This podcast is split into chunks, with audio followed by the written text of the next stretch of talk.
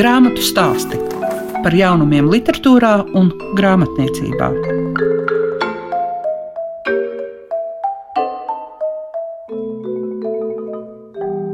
Labdien, jums saka Lieka Piešiņa. Tātad savu skanējumu sāka grāmatu stāsti.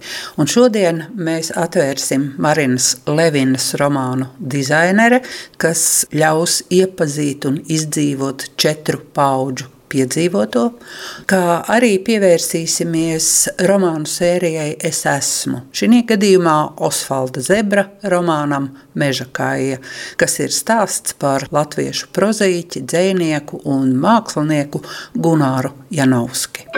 Grāmatu stāsti programmā Klasika. Grāmatas stāstī šoreiz pievēršas grāmatai, kuras nosaukums ir Dizainere. Un Marina Levina ir šo grāmatu uzrakstījusi. Man liekas, ka gandrīz vai katrā lapusē var just, ka viņa labi pārzina kultūras mantojuma nozari. Tomēr tas ir stāsts par dzimtu vairāku pauģu garumā. Marina, kas jūs mudināja uzrakstīt tādu grāmatu, kas vēsta par vairākām paudzēm, un tas viss ir ar tādu gaišumu sajūtu? Tas drīzāk ir tāda nodeva vai tāds apliecinājums cieņai, mīlestībai un apbrīnam par manas paudzes vecāku un vecvecāku dzimtām, kas izgāja visam pagājušām gadsimtam cauri, piedzīvoja neiedomājumus, pārbaudījumus, zaudējumus un nesalūza. Tie, protams, kas izdzīvoja un spēja atgriezties Latvijā un palikt gaišiem un gudriem cilvēkiem, kas spēja arī pieņemt visu to, kas sekoja tam izsūtījumam. Un patiešām es uzaugu arī tādā ģimenē, kur mums apkārt ar brāli bija unikāli, gudri un gaiši cilvēki. Viņi pārzināja mākslas, viņi pārzināja valodas, viņi visi praktiski bija muzikāli cilvēki. Tas viss saistās ar manā bērnībā ar tādu skaistu un gaišu noskaņu, ko mēs iznesām caur visu savu dzīvi. Es negribēju runāt par tām visām šausmām, jo tas ir aprakstīts ļoti daudzos darbos, visos Baltijas tautu rakstu darbos, romānos un esējās. Un mēs to visu ļoti labi zinām, un šoreiz man gribējās iznest tieši to gaišo pusi parādīt to, kādi viņi bija, kādi viņi ir dzīvojuši, un būtībā četru pauģu dzimtu vēsture, kas beidzās ar mūsdienām, un jāsaka, arī mūsdienās. Nemaz tik laimīgs tas laiks arī nav. Kaut manā jaunībā mana mammiņa teica tā, kas tad ir?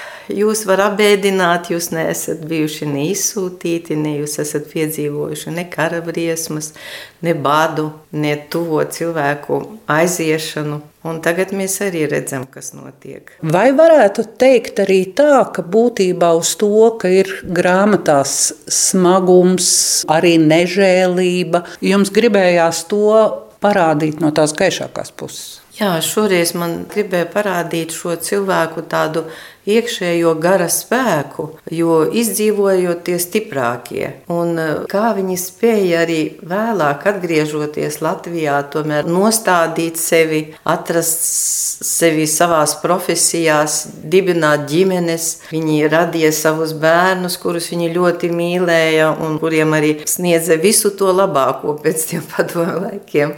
Izglītību mēs, piemēram, gājām, kur tik vien var. Visādos pulciņos, skolās, mūzikas skolās, un mūs arī izglītoja valodās. Protams, salīdzinot ar to paudzi, mēs, es uzskatu, esam daudz mazāk izglītoti. Šī brīdī ir tāda situācija, ka diezgan daudz runā par pasakām, par pasaku tapšanu, kā tās ir jāraksta. Vai nav tā, ka cilvēki var par to teikt, ka tas ir izdomāts, bet man ir tāda sajūta, ka jums tas ir radu rados šis stāsts četrās paudzēs. Jā, varbūt tā arī varētu teikt. Tagad jau vairāki mani tuvi cilvēki, kursa biedri, draugi ir izlasījuši šo romānu. Un, eh, cik tas bija interesanti man dzirdēt, ka visi meklē kādus prototipus. Bet šeit ir tikai viena persona, kurai varbūt ir paņemts prototips, un viņš nav mūsu paudzes, cilvēks. Būtībā es domāju, tā, ka nav vienkārši uzrakstīt kaut ko tādu, kas iziet tik plašam vēsturiskajam periodam cauri. Jo mana tāda priekšrocība ir tā, ka es esmu pieradusi strādāt arhīvos un ar vēsturiskiem materiāliem. Es zinu, kur vajag meklēt arī vēsturiskos dokumentus un kaut kādus avotus. Līdz šim esmu rakstījusi un sarakstījusi vairāk populāru zinātniskos rakstus un grāmatu tapšanā tieši par sakrālo arhitektūru mākslu esmu piedalījusies un rakstījusi. Bet eh, šoreiz man gribējās atstāt piemiņas veltījumu arī savai profesijai - arhitektiem, interjeristiem, interjera dizaineriem, jo man liekas, ka mūsu literatūrā šī profesija ļoti maz aprakstīta. Arī arhitektu un dizaineru ikdiena, viņa varbūt nav tāda, kādu viņu redz cilvēki no malas. Un arī izglītības e, jomā tā ir viena no tādām, es teiktu, grūtākām, bet skaistākām profesijām, jo viņa nes cilvēkiem tādu gandarījumu, viņa nes siltumu, harmoniju, un bez tā vispār civilizācija nemaz nespētu pastāvēt bez šīs profesijas. Un man interesanti, ka viens no maniem kursabiedriem, starp citu, es biju pārsteigta, cik daudz uh, man vīrieši ir izlasījuši šo romānu. Viņš bija pateicis, ka, nu, zini, tu esi uzcēlusi pieminekli gan mūsu profesijai, gan mūsu arhitektiem, mūsu kursa biedriem un, un mūsu līdzgaitniekiem.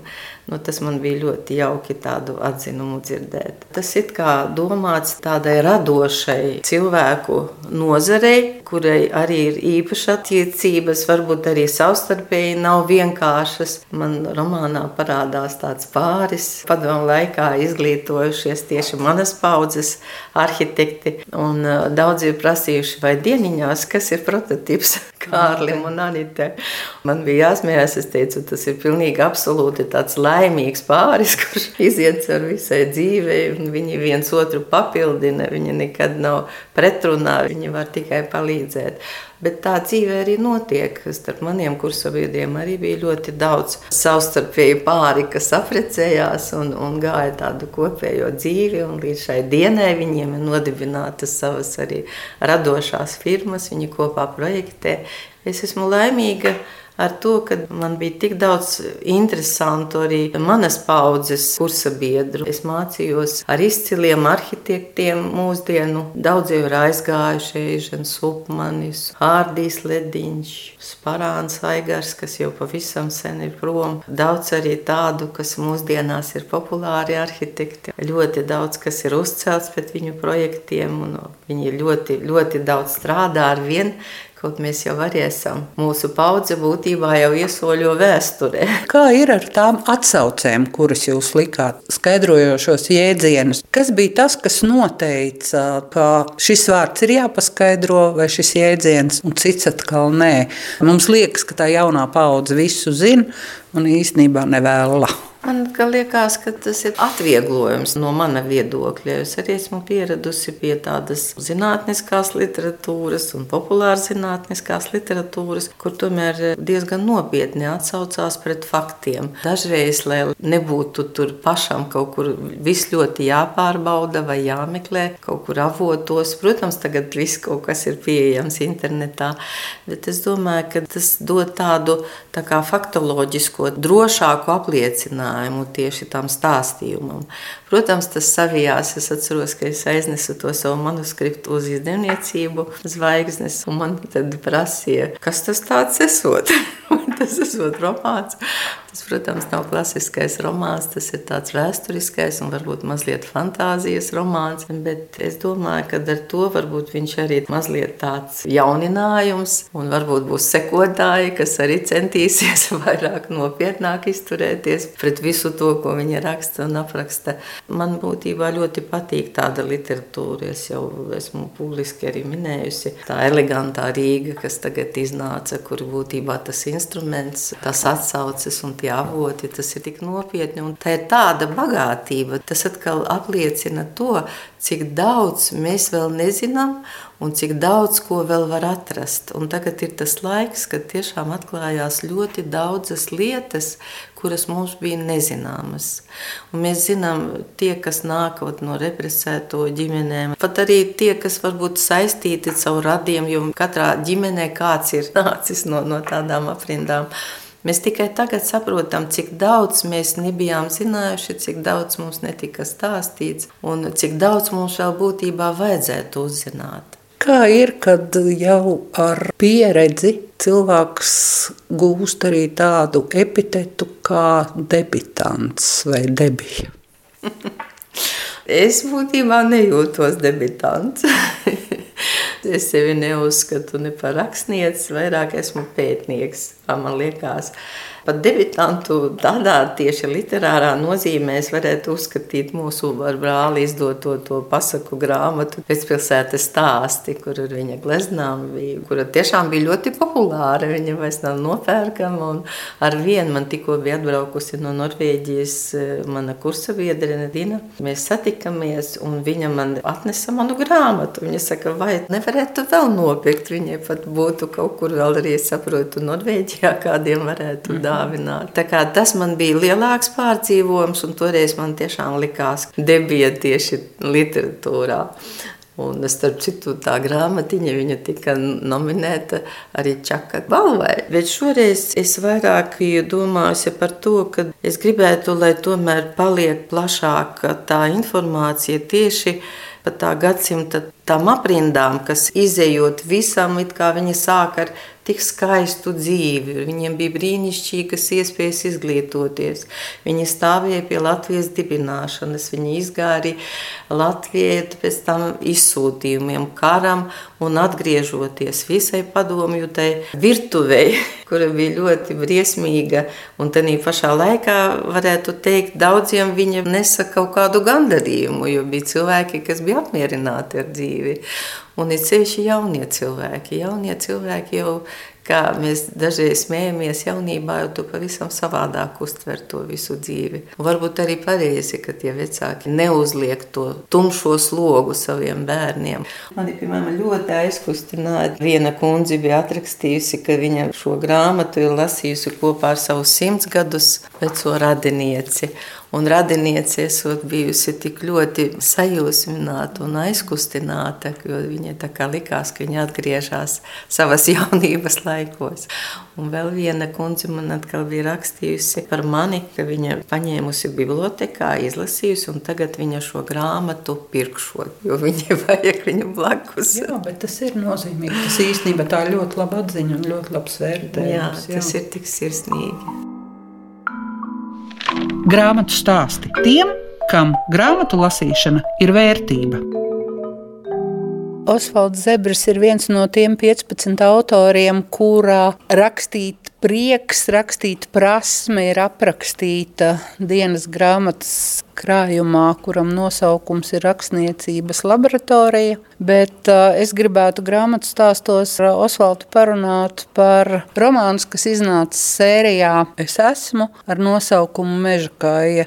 Cik daudz tu pats zināji par Gunāru Janovski, par ko tu Mežakājā raksti? Kā pie tevis atnāca šis autors? Par Janovski zināju ļoti maz. Brīdī, kad tika prezentēta tā ideja no Dācis Parāns un uh, Gundegas Repšas puses par to, ka būs šāda sērija un var izvēlēties autoru, pieteicos uzreiz rakstīt tieši par Gunāru Janovski. Pareizāk sakot, iejusties Gunāru Janovski ādā, jo raksta par autoriem literatūras zinātnieki. Pieteicos, jo es tajā brīdī lasīju viņa romānu Nams Lokas ielā, kas man kā zvērinātam pārdogavietim bija šausmīgi mīļš darbs un vēl aizvien ir. Un man ļoti uzrunāja Janovska darbos tāda uzkrītoša vienkāršība. Viņš nesarežģīja sižetu, viņš nesamežģīja tēlus, bet tajā pašā laikā visa šī vienkāršība sevī slēpj ļoti vilinošu un ievelkošu spēku. Nu, Nevēl viņš bija tik lasīts. Viņš bija viens no tiem trimdus autoriem, kas bija visvairāk pārdotie, kuram iznāca romāni vienbrīd pat katru gadu pa vienam, un visi tika izpārdoti un papildus tirāžas drukāts. Izdevējs Rudzīts viņam regulāri rakstīja vēstules, kad būs nākamais lasītājs jau gaida. Tā kā jā, es ļoti virspusēji viņu pazinu, un tad uh, es kopš tā brīža, protams, sāku sistemātiski lasīt vispirms visas viņa grāmatas, un pēc tam vēstules sarakstus, kas bija ļoti plašs materiāls, apjomīgs, un arī kritiķu rakstīto par viņu, kā viņš bija nodēvēts par latviešu Hamsunu. Jo patiešām ir kaut kas tajā vidē, ko viņš tā vienkārši notēlo, uzglezno. Viņa ir, kā lai to saka, sajūtama. Tu tur var iejusties. Man vismaz tas ļoti rezonē ar manu uztveri, šī viņa valoda. Man bija tāda sajūta, es atceros, ka es to grāmatu tikko izlasīju, un tas jau bija jau pirms gada. Es satiku tevi bibliotekā, un es teicu, tava grāmata ir ģeniāla. Tu teici, jā, protams. Nē, nē, nu, man patīk uh, joki, bet es domāju, ka katra grāmata, ko autors godīgi pats priekš sevis godīgi, simtprocentīgi godīgi raksta, lai kāds būtu sižets un tēma, un, un, un lai kāda būtu šī grāmatas popularitāte pēc tam vēlāk. Nu, tajā brīdī tā var teikt, viņi ir viņam ģeniāli. Ja vien es saku pie nosacījuma, ka viņš to ir darījis pēc labākās sirdsapziņas un godīgi, tā ir tā maksimuma uz to brīdi, ko viņš var. Paiet laiks, protams, viņa mainās. Viņš ir varbūt spējīgs uz kaut ko vairāk vai mazāk vai savādāk, bet tajā brīdī, jā, tā tas ir. Un uh, man ar Janovska grāmatu, laikam, tā man ir sestā grāmata, man ir jau ar ko salīdzināt, nav pirmā vai otrā. Es patiešām varu teikt, ka tā man bija visgrūtākā, jo kaut kādā brīdī, nu, lai arī sākotnēji man viss bija skaidrs, kā, nu, ka man jājūtas Janovs kādā, es esmu Janovskis, nu, kā jau visiem sērijas autoriem, jāizvēlās kaut kāds viņa dzīves posms, jo es taču nevarēšu visdrīzāk iejusties visā viņa mūža garumā, viņš, paldies Dievam, nodzīvoja garu un ļoti tādu piepildītu mūžu, arī traģisku. Bet visi šie nosacījumi ir diezgan skaidri. Bet tad es kaut kādā brīdī pavisam apstulbju, jo es sapratu, ka kas tas īsti būs. Es taču nerakstīšu par to, kāds bija Janovskis. To izdarīs literatūras zinātnieki lielā mērā. Es neatkārtošu viņa romānu aprakstīto varoņu gaitas. Līdz ar to tur bija tādas pārdomas, bet ļoti loģiski. Es domāju, ka man pēkšņi kļūst skaidrs, ņemot vērā, ka Janovskis bija tik ražīgs autors un arī pieprasīts un populārs, ka man ir jāraksta par to, kā top rakstnieks, kas notiek. Viņa gadījumā lielā mērā tie bija traģiskie otrā pasaules kara notikumi, Latvijas neatkarības zaudēšana. Kaut kādā brīdī es domāju, ka viņa pārliecība, ka par to nedrīkst aizmirst, to nedrīkst pazaudēt, to nedrīkst noklusēt, tas ir jāfiksē, jāfiksē spilgti, ko viņš arī lielā daļā savu romānu izdarīja. Es tieši, kad tu pieminēji to, kā top rakstnieks, es to viss izteiktāk jūtu, jo tie bērnības piedzīvojumi, nedarbi, tas, ko parasti, saka, skaļi nestāsti ne mammai, ne draugiem, nevienam, un pēc tam tu redzi, kā tas pilnībā ir transformējies literārā darbā un pavisam savādāk. Nu jā, man ļoti mīļa, es nezinu, kāpēc, bet ļoti mīļš ir Latvijas laiks 20. gados, nu, tā saucamajā starpkara periodā, kad viss radās no jauna, valsts tiek būvēta, viss ir tādā pacēlumā, un visiem ir darba pilnas rokas, un viss tur kūsā. Un, un arī, kā mēs labi zinām, gan mākslā, gan literatūrā, gan mūzikā, tie visi ir zelta laikmeti. Rīga ļoti strauji aug arī kā pilsēta. Un tāpēc man šis laiks liekas ļoti interesants, un man patīk par viņu rakstīt, un vēl jau vairāk pārdaugava. Tie mazie bērni, kas tur ņemās tajā visā pieaugušo aizņemtības pasaulē, nevēl tur pieaugušo praktiski nav, viņi ir ļoti maz. Jo es gribēju akcentēt to, ka bērni lielā mērā šajā aizņemtības laikā ir paši par sevi.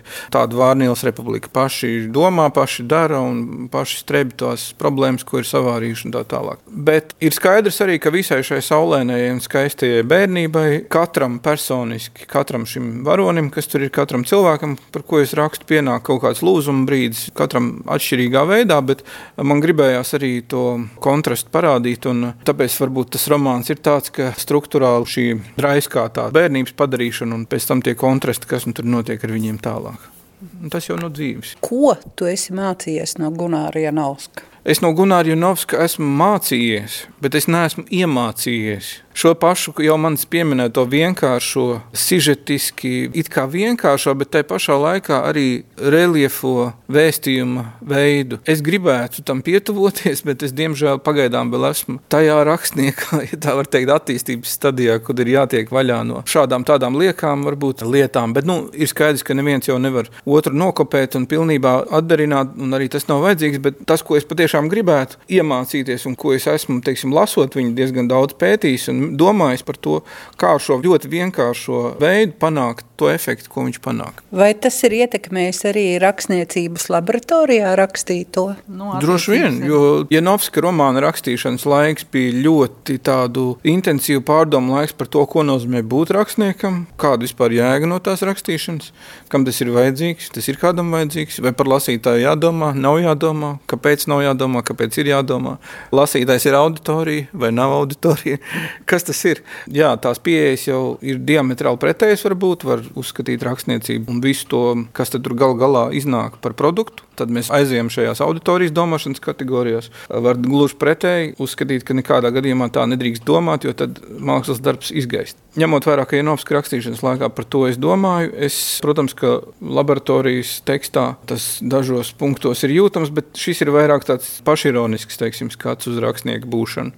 Laboratorijas teksts, es domāju, katram tekstam jau ir kaut kāds iemesls, kāpēc viņš ir tieši tāds, kā ir. Un šajā gadījumā mans laboratorijas teksts tomēr ir lielā mērā tāda pašterapija, lai tiktu vaļā no kaut kādām muļķībām galvā, kas rodas rakstot. Ko tu tagad raksti? Sācis esmu strādāt pie vienas bērnu grāmatas, grāmatas bērniem, tā jāsaka pareizāk, par pirmklasniekiem, tādiem nu, kā Janovskis pirms simts gadiem, tā mūsdienās. Un es strādāju pie teksta par Frici brīvzemnieku, par ļoti seniem laikiem, 19. gadsimta otro pusi. Šobrīd kopā ar Frici brīvzemnieku atrodos Maskavā un mēģinu saprast, kā viņš nonāca līdz pārliecībai par to, ka tautas dziesmas ir liela vērtība. Jo viņš bija tas, kas iekustināja tautas dziesmu vākšanas procesu, kas vēlāk nonāca pie Krišāna Barona, kurš tās sakārtoja, kā mēs zinām izskan grāmatu stāsti. Šīs dienas raidījumā jūs dzirdējāt Marinu Levinu, arhitekti, kura stāsta par savas profesijas pārstāvjiem par mīlestību pret dizainu, arhitektūru un mākslu. Kā arī dzirdējāt Osvaldu Zebri, viņš stāstīja par savu veikumu sērijā Es esmu, un tas ir romāns Meža kaija, kas stāsta par Gunaru Janovski. Visu labu jums saka Liega Piešiņa. Grāmatu stāsti par jaunumiem literatūrā un grāmatniecībā ik trešdienu, 9.5. ar atkārtojumu Svētdien, 18.15.